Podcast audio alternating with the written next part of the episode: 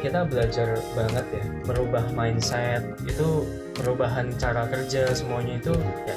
Lebih enak ya kalau kita belajar dari itu lebih enak kamu terima orang bilang udah kamu jelek lebih enak daripada kamu bagus tapi cuma selesai Iya, iya. ya. Memang tugasnya kita belajar banget ya merubah mindset itu perubahan cara kerja semuanya itu ya lebih enak ya kalau kita belajar dari wajib itu enak kamu terima orang bilang udah kamu jelek lebih enak daripada kamu bagus tapi cuma selesai Iya, iya. ya.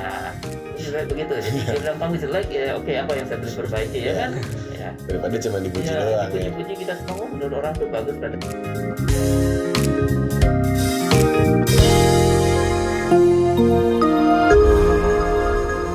Welcome back to Ngobis, ngobrol bisnis by teman startup di episode Ngobis. Nah, hari ini juga kita sudah kedatangan ada halo Kak Henry dan juga Pak Ong. Halo. halo Ini wah dari bajunya nih udah udah jelas ya dari mana dari titipku. Sebelumnya mungkin dari perkenalan diri dulu deh dari Kak Henry mungkin ada teman-teman yang belum kenal. Ya. Halo teman-teman semuanya, perkenalkan saya Henry, saya co-founder dan CEO Titipku. Halo teman-teman ya saya saya Om Tek Chan ya. Ya. Saya juga bersama dengan Henry kita membangun titikku bersama-sama nih. Cuma bedanya Henry generasi muda, saya ini generasi X dulu ya. Karena Oke, saya tidak terasa jadi ini kita bercampur tua dan muda. Oke oke. Mungkin buat teman-teman mulai udah mikir nih dari namanya nih, titipku apa nih ya? Boleh nggak ceritain sebenarnya titipku itu apa sih? Jadi Titipku ini aplikasi untuk belanja marketplace Mhm. dan kita ini konsepnya hyperlokal. Oke. Hyperlokal tuh apa sih maksudnya?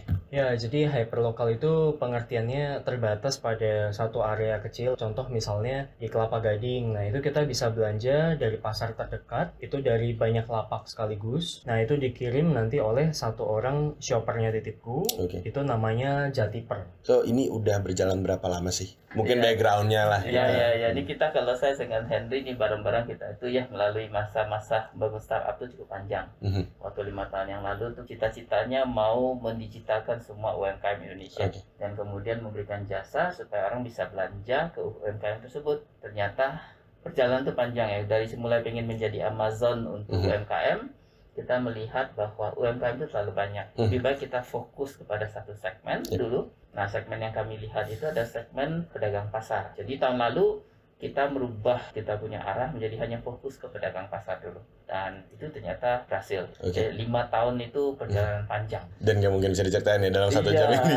nggak bisa, nggak bisa. Sakit-sakitnya teman-teman Iya, iya, masih iya. banyak lah. Iya, iya. Ya, kita kasih tahu. nanti. Jatuh bangunnya, mungkin Eh, perjuangannya, mungkin betul. pivotnya segala macam banyak pelajaran dari selama lima tahun ini berarti. Betul, betul. Tapi sebenarnya value-nya dari titipku ini berarti mau mendigitalkan UMKM tadi, Hmm, mau mendukung mereka berarti dalam perkembangan dan juga pastinya mempermudah konsumen juga ya. betul. Iya. Dari dua pihak ini dengan hadirnya titipku mempermudah dua orang ini juga gitu dalam Iya. jualan dan juga membeli gitu. Kita lebih bersifat enablers ya. Oke. Jadi artinya kita tahu UMKM itu susah untuk masuk pasar digital Yep. dengan keterbatasan mereka. Nah, kita carikan solusi Oke. Nah, supaya dengan keterbatasan mereka, mereka tetap bisa join. Nah, Oke. itulah kita muncul di ke arah sana. Saya, saya, saya penasaran gitu. Iya. Apakah UMKM itu eh, UMKM-nya memang fokus UMKM yang ada di pasar bahan kebutuhan sehari-hari atau kaos misalnya toko kaos atau gimana sih? Ya, jadi kita memang mulainya itu dari setiap kali kita buka satu area baru, Mhm. itu kita dari pasar dulu. Nah, pedagang pasar kan beragam ya. Yep.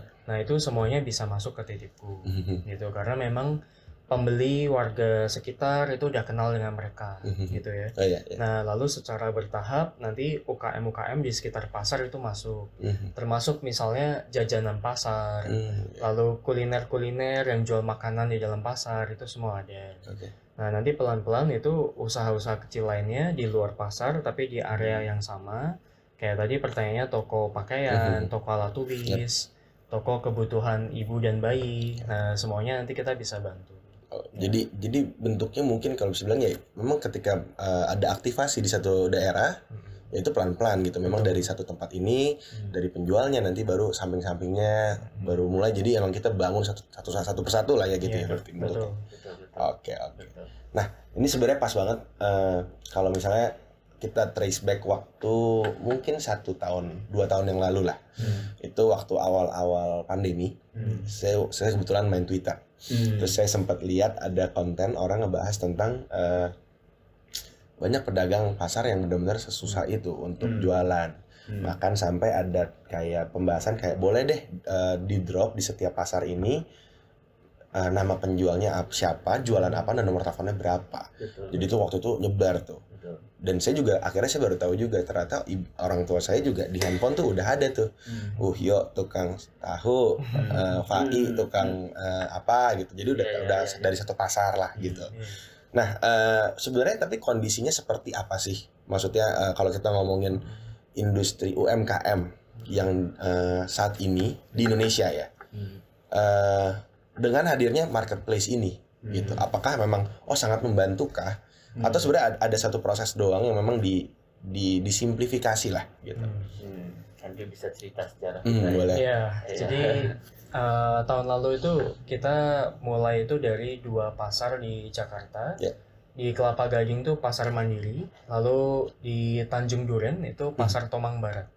oke Nah, jadi eh, Pak Ong itu di pasar Mandiri, beliau yang ke sana Mhm. memasukkan satu persatu pedagang di pasar sana ke titipku. Oke. Nah, saya yang di pasar Tomang Barat atau pasar Kopro ya, Hmm, gitu. oh, oke oke. Nah, jadi eh, sebenarnya kalau menurut kami ya, eh, memang ini kan kemarin dampaknya luar biasa ya untuk pedagang itu. Iya. Omsetnya mereka itu drop itu puluhan persen, lalu banyak sekali pedagang pasar yang tutup. Tapi memang waktu ketika kita datang ke pasar pun itu tidak semua pedagang itu langsung menerima. Iya. Jadi tidak semua pedagang pun itu langsung ya saya mau masuk gitu kan. Kita juga awalnya itu ditolak-tolak oleh banyak pedagang, banyak yang nggak percaya lah. Apalagi memang belum tahu titipku Hmm. gitu ya. Nah tapi pedagang dan UMKM tuh akhirnya mereka setelah mulai merasakan oh ada manfaatnya ya. Iya, iya. Oh ada eh, jati per titipku yang datang ke tempat saya belikan kirim ke langganan saya gitu. Mhm. Nah, setelah itu terjadi, akhirnya pedagang itu semuanya pada mau join. Iya. Gitu. Jadi ketika lihat oh tetangganya dia laku ya dia mau Mhm. mau juga gitu Iya, kan. iya, iya. Seperti itu.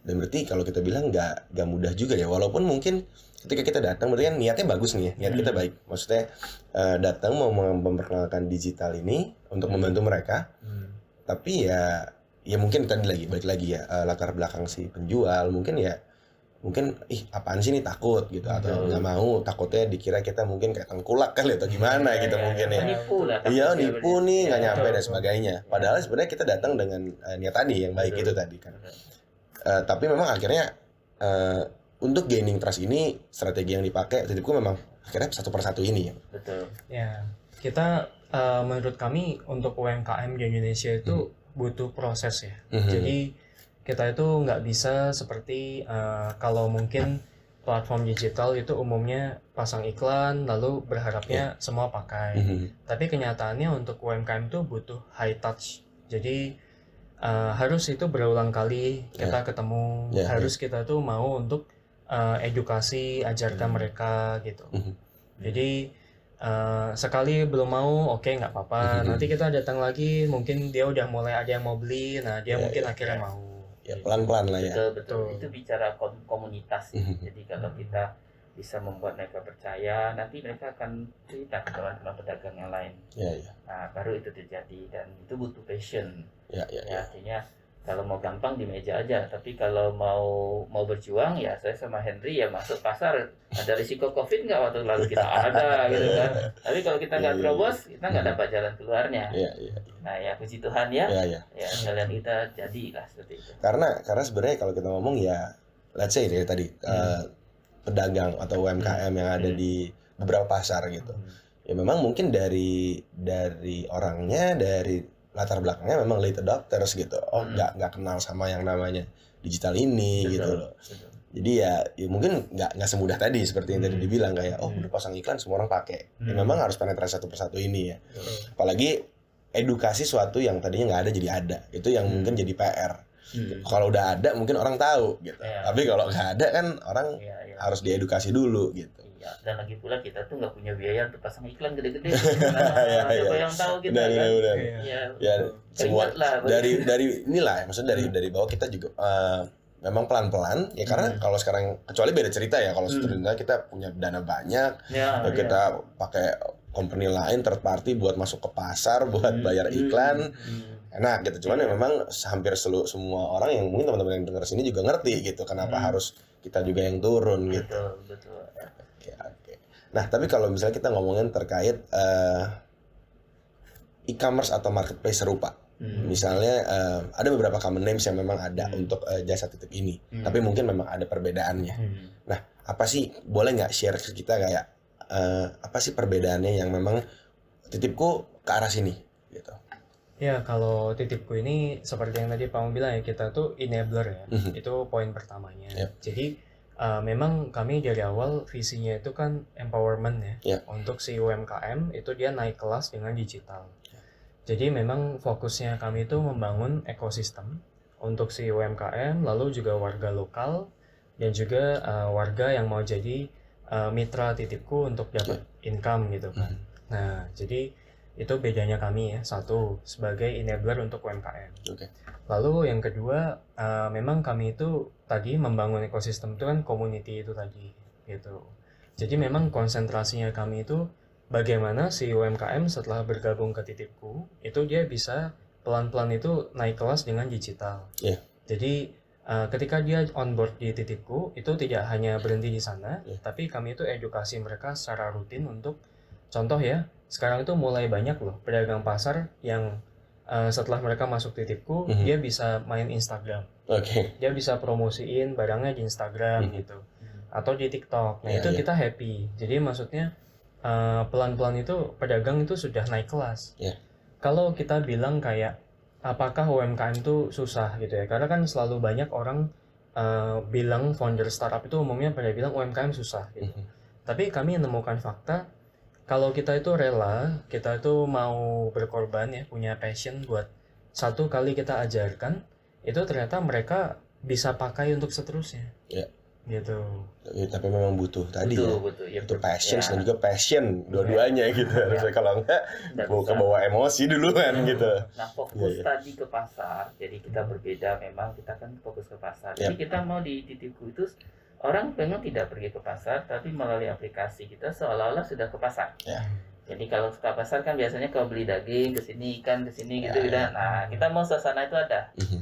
Jadi tetap bisa pilih tuh pedagangnya apa, sudah Oke. pilih semua sekali antar beres. Nah Experience ke pasar tradisional tetap ada ya. betul. Jangan betul, dihilangkan. Betul. mungkin kayak karena salah satu behavior yang saat ini mungkin oh, ada dua pilihan kita bisa ke swalayan atau bisa ke Hmm, pasar eh, pasar tradisional Iya. salah satunya nih kalau saya ngobrol sama orang tua saya ya Iya. eh, sebenarnya orang tua saya kadang-kadang ibu saya itu sebenarnya nggak mau beli tahu gitu Hmm. cuman karena dia kenal sama si Fai tadi yang tadi saya bilang dia beli Iya. gitu jadi ya udah dia bagi padahal si Fai ini ternyata jual tempe tapi dia beli tempenya nggak sama si Fai Iya. sama si Uhyo gitu Ya. jadi ya digilir aja udah gitu Ya, maksudnya yang penting gua beli ya kalau kita kan misalnya ibu rumah tangga ya udah nyetok gitu Hmm, Jadi. Nilai itu tadi juga masih Ya, ada gitu di ya, sini ya, Betul. Ya, ada. oh ada loh tokonya namanya Betul. siapa Betul. jualan apanya gitu Betul. Betul. Terus habis belanja itu mau beli jajan Pak kuliner. Nah, nah, ada juga, ada. jadi sekalian lah ya Sekalian. oke oke oke Iya. Eh, tapi kalau misalnya kita ngomongin tentang teknis ini satu hal yang mungkin lu mungkin jadi lucu jadi kadang-kadang getir kadang-kadang eh, males karena saya karena saya beberapa kali ngobrol dan punya teman juga Kak. kalau misalnya kita let's say ya kita banyak berurusan dengan kita bisa bilang mungkin teman-teman pekerja kelas bawah atau Hmm. pihak-pihak lain yang menengah ke bawah ini banyak lucu-lucunya gitu Hmm. ya memang maksudnya kita menyadari sama-sama ben- mut- mutually beneficial buat dua dua pihak Hmm. tapi pasti banyak eh, kejadian atau mungkin hal-hal yang sulit untuk dikontrol Hmm. karena nggak semudah kita bikin SOP kita latih ya, mungkin nggak nggak semudah itu Hmm. tapi kalau dari titipku sendiri ada nggak sih eh, mungkin apa kita bilangnya kendala paling besar let's say tadi sama just tipper atau mungkin sama si eh, UMKM-nya Hmm. atau ada nggak sih apa sih gitu Ya, kalau kita ini kan karena kita bangun ekosistem ya, itu memang uh, takes time. Mhm. Jelas ya, itu butuh waktu, Iya. butuh proses. Terus uh, terkait misalnya kita training untuk jatiper. ya ya. Uh, karena kan kami value utamanya kami itu service. Jadi kan titipku itu jasa titip, Mhm. jadi service. Nah, jadi kalau misalnya uh, jatiper itu dikomplain oleh pembeli ada yang salah. Nah, Iya. itu kami beritahu, kami training lagi si jatipernya. Mhm. Nah, ini mungkin tidak harus yang tadi ya, tidak Hmm. sekali jadi selesai. Betul. Tapi Tapi kita juga perlu perlu kasih tahu nih buat teman-teman ya. Eh, tadi yang si Lei bilang Mhm. bahwa ini eh, mungkin mereka susah dan sebagainya. Oh ternyata enggak loh. Mhm. Kami itu rutin ngobrol dengan pedagang, kami rutin ngobrol dengan jatiper, dengan customer juga. Nah itu kami nemukan banyak. Ternyata mereka itu bisa menyampaikan ke kami apa yang harus kita improve. Oke. Gitu. Itu yang menarik Iya, iya. tuh. Jadi di Hmm. aplikasi, di detail yang itu nggak terpikirkan oleh kita. Ya, karena kita nggak dari pihak mereka yang menggunakan gitu. Betul. Ya betul. betul. betul. Ya, kita tuh bilang talk to customer. Ya. Itu important ya ketika Ya, ya. kita membangun satu startup ya. Jadi banyak ya memang kita bisa bilang uh, ada banyak hal-hal mal kalau kita sebentar kita kok susah banget ya. Tapi kalau kita bilang kalau kita punya hati, kita punya passion, kita punya visi, nah ini hanya menemukan kuncinya aja lah. Ya. Gitu, ya. Dan dan ternyata ya tadi berarti, berarti ya kata Kak Hendrik kalau mereka ini juga sebenarnya mau juga gitu. Mereka bangga menjadi bagian dari titipku untuk Hmm. mereka mau kembangin bersama-sama nih. Mereka Ya, kasih input gitu. betul. Betul. Nah, tapi kalau misalnya misalnya pertanyaan teknis lainnya, misalnya kayak gimana sih caranya titipku pastinya mau memberikan kualitas barang lah. Hmm. Karena output terakhir selain service masih barang lah Iya. gitu ya. Gimana sih caranya titipku mempertahankan kualitas barang nih? Karena kan ibu-ibu ya jeruk jeruk Ya. aja kadang-kadang antara satu Hmm. dan dua aja udah tahu bedanya gitu. Gimana? ya, ya. Ya kita eh, untuk itu memang kita itu di aplikasi ya Mhm. itu memang selalu ada ya setelah selesai transaksi itu pembeli bisa kasih rating bisa kasih komentar. Mhm. Nah termasuk kalau dia misalnya mau menyampaikan keluhan atau apa bisa langsung. Ya. Tapi di luar itu memang ketika misalnya itu terjadi gitu, nah titipku itu memang kita punya garansi juga, Oke. garansi untuk produk. Contoh misalnya eh, dia bilang oh ikannya nggak segar, Mhm. nah kita langsung belikan lagi, langsung kita kirim lagi Oh, oke. gitu. Jadi istilahnya kita kita percaya kayak kalau satu customer yang komplain itu kita bisa layani dengan baik, Ya. itu akan loyal ke kita juga. Dan dan dia akan cerita juga ke tetangga, Ya, ke ya. keluarga, saudaranya dia seperti itu. Indonesia itu dilatih sama budaya antrust society. Ya. Jadi di mana-mana itu kalau nggak dijaga itu pasti ada pelanggaran gitu kan. ya, jadi kita belajar banyak dari titipku lah, belajar dari itu. Jadi sebenarnya kita itu harus merangkul. Mhm. Jadi kita merangkul pedagang, kita tahu bahwa ini untuk maju sama-sama ya. Kita rangkul juga jatiper. Jadi namanya kualitas barang bagus itu bukan tanggung jawab titipku Oke. tapi tanggung jawab bersama. Ya. Jadi kalau kita ngomong sama pedagang, tolong kalau dari jangan kasih yang jelek gitu Ya, kan. ya. Sebab yang rusak nanti nama pedagang. Mhm. Ya, mereka sudah dipilih sama pembeli, terus pembeli beli dari sini busuk, nanti lain kali nggak beli. Hmm. Nah, itu diajarin kan kadang mentalitas antra society kan kalau bisa digepuk kenapa nggak digepuk? Nah, ini kita rubah mental itu. Iya, iya, iya, Ya, ya. Dan jadi ya mungkin eh, semua pihak lah ya. Kalau kita Hmm. bilang kita mau jadi suatu ekosistem, Hmm, semua pihak ya harus ambil partnya masing-masing. betul. Mau Betul. kita mati-matian, kita jor-joran kasih training, tapi kalau si Jatiper tadi tidak mau berubah, tidak mau Ya, nggak maksudnya apa ya mungkin tidak eh, bekerja dengan hati lah kita bilangnya Iya. gitu ya nggak nggak akan bisa hmm, outputnya tidak akan sebagus kalau memang dia tahu ini untuk kebaikan sama-sama gitu. Iya. betul, betul. Nah tadi juga sempat kita ngomongin tentang marketing. Hmm, Selama ini udah jalan lima tahun, hmm. mungkin di dua tahun satu tahun dan dua tahun terakhir ini ada pandemi gitu. Apa sih strategi ma- marketing yang mungkin menurut titipku paling efektif lah untuk mencari konsumen?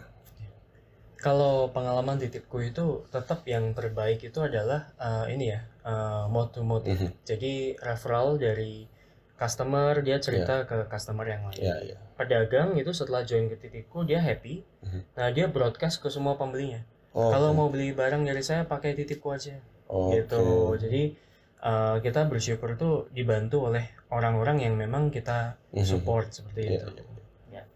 Ya. Kita belajar banyak kan orang berpikir bisnis itu kan mesti promotion, Ya, ya. diskon, Ya, ya, adu adu murah gitu ya. Mhm. Tapi sebetulnya esensi marketing kan sebetulnya produk itu sendiri. Yes. Ya, apakah dia strong dan uh, user senang, ekosistem titipu artinya pembeli, pen, uh, uh, pedagangnya merasa senang. Itu harus kita perkuat dulu. Nanti kita akan dibantu sendiri oleh ekosistem itu Mhm. menyebarkan yang lain. Ya kita juga banyak pelajaran kita kok kita bikin jor-joran dan naik ya kan? Naik ya kan. Jadi itu akhirnya kita pilih itu bahwa trust itu lebih penting. Da- da- dari trust dari orang kepuasan pelanggan dan Betul. produknya kita sendiri apakah Iya. sudah siap atau sudah Ya, sudah udah solving belum gitu ya kita kan tidak sempurna ya, pasti ada yang tidak puas dengan kita. Tetapi kita harus punya keinginan untuk terus improve. ya kan?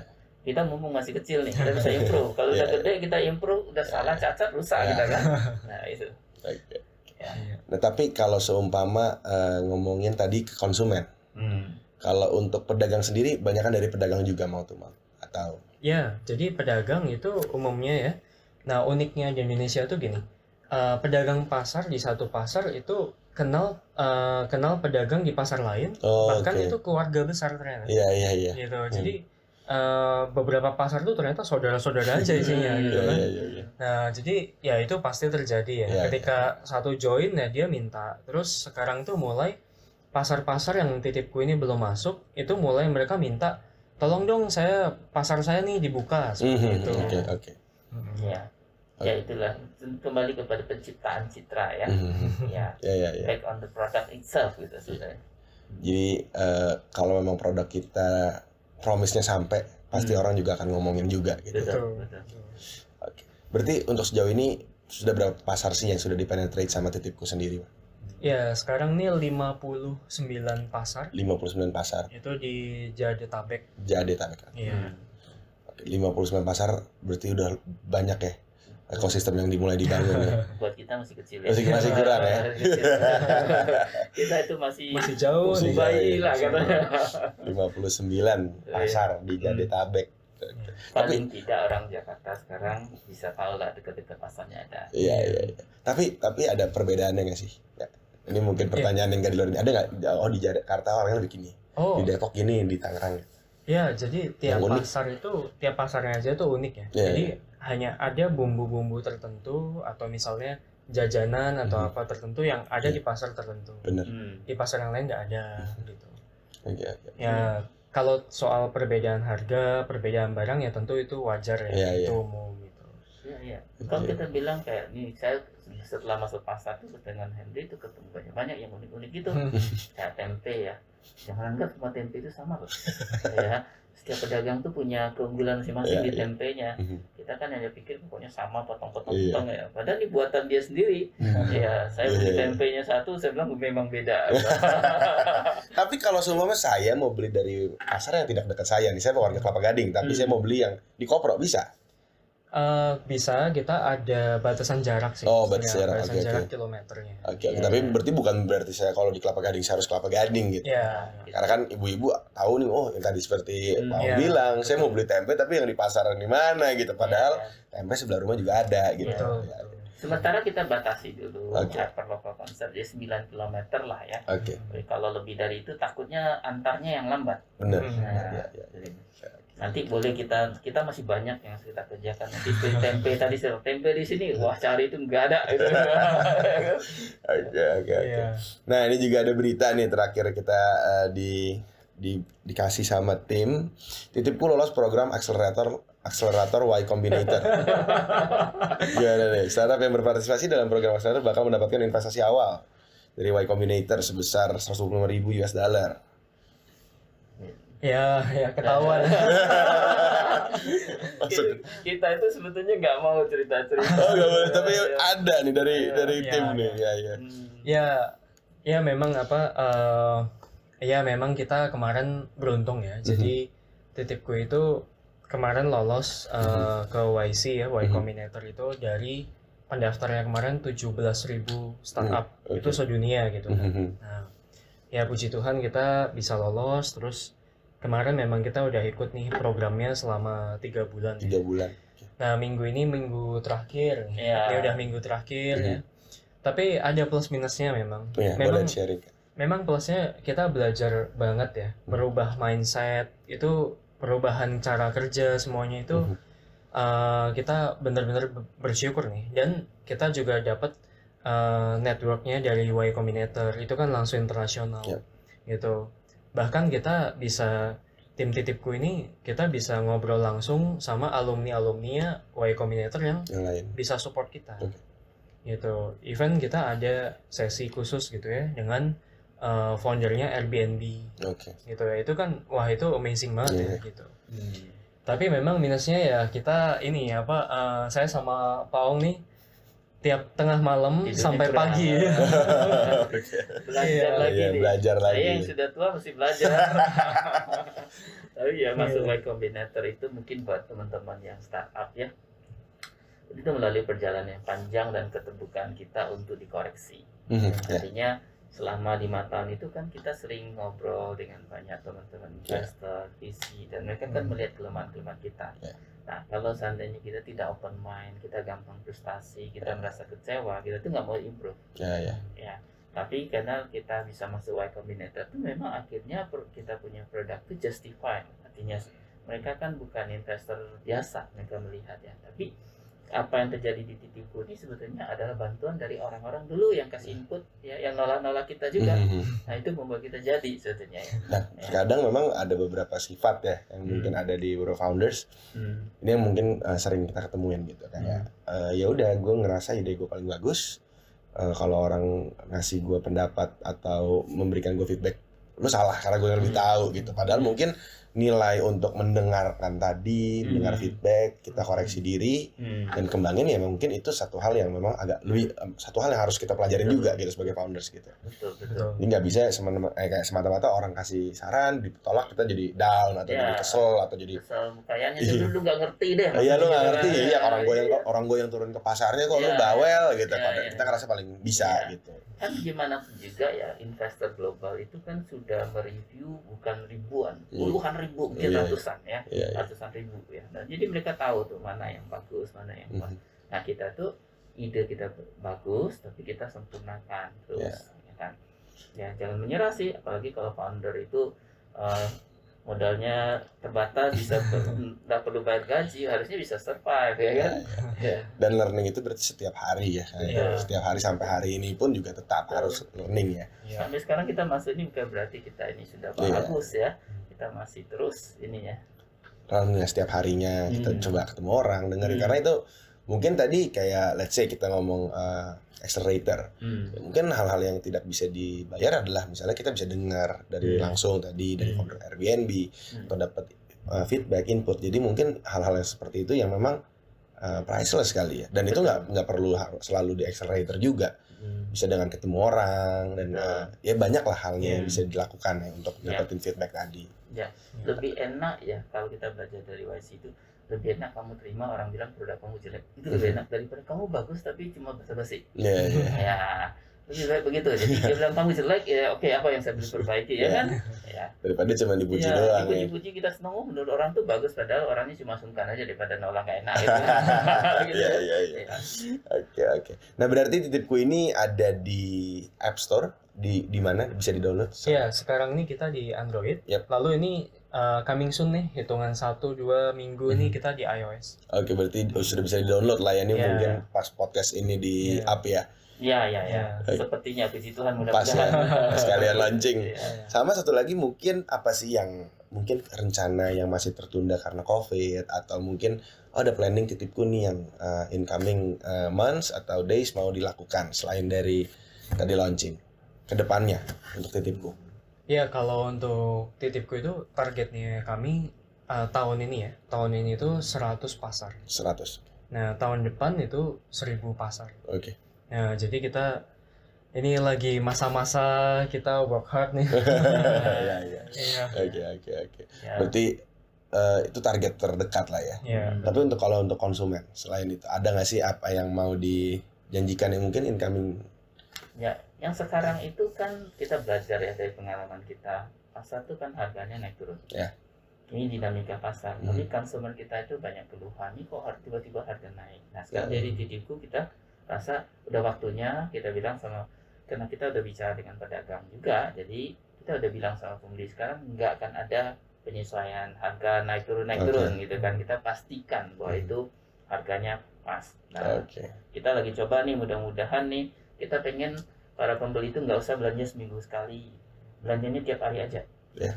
dan untuk apa penuhin kulkas ya sampai Ya, ya. banyak stok-stok itu Hmm. nanti lewat titipu kita mau delivery on demandnya itu cepat Oke. Jadi setiap hari ya udah belanja pasar tiap hari. Mhm. Nah, ini sedang kami mau luncurkan. Lagi mempermudah lagi ya, Betul, mempermudah betul. lagi. Ya. Kan lebih senang ya daripada di tiap minggu kan katanya mau fresh kan, tapi Iya, kalau iya, disimpan iya. di kulkas itu sudah fresh. Iya kan? Iya iya benar benar benar. Iya. Oke. Nah kalau misalnya teman-teman founders dan listener hari ini Hmm. mendengar terus kayak mungkin eh, interested dan pengen tahu lebih lanjut tentang titipku, bisa di mana sih? Ya, boleh teman-teman nanti kalau misalnya juga mau menawarkan kolaborasi atau Hmm. apa pun, boleh mengubang- menghubungi ke sosial medianya Titipku, at Titipku Official ya. Oke. Itu ada di Instagram, terus juga kita ada juga website ya, titipku.com gitu.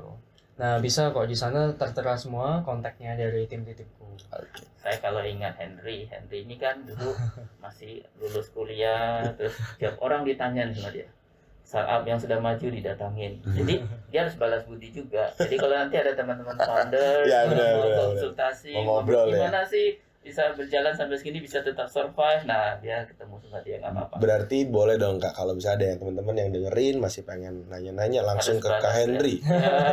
Boleh Ya, langsung ke Kak Henry. boleh, Di, boleh. di mana nih kak kalau mau nanya langsung ke Kak Henry? Oh iya ya, da- eh, bisa bisa ngubungi ke Instagram saya gitu. Hmm. Atau nanti kalau misalnya dari teman Startup Academy Iya, iya. ada program yang lain nah Iya. boleh Ya, gitu ya. kumpul-kumpul darat ngobrol apa-apa kita tuh senang kok kalau ada Sharing, teman-teman ya. founder Iya. yang berhasil karena kita ingin di Indonesia ini banyak lah founders apalagi kalau saya kan lihat yang muda-muda bagus-bagus ya kita tinggal poles ya Ya, ya, ya. Oke, oke. Oke, eh udah kita udah ngomongin banyak banget tadi tentang titipku, tentang eh, digitalisasi UMKM dan khususnya di pasar tradisional nih. Thank you banget buat Kak Henry dan Thank juga you. Pak Ong. Thank you. Thank you. Udah mau Makasih ya. hadir, Ya. udah mau ngobrol di sini. Eh sukses terus ke depannya. Semoga Hmm. eh, semua target dan rencana yang masih eh, tertunda bisa berjalan lancar di tahun-tahun depan. amin Amin, Nah, amin, ya. You. Sukses bareng teman startup ya. Thank, you. kita happy juga bareng-bareng teman Thank you, thank ya. you. Oke, Ya, oke. Oke, teman-teman founders, eh, thank you for listening. Kita mungkin ketemu lagi di podcast selanjutnya. Bye bye.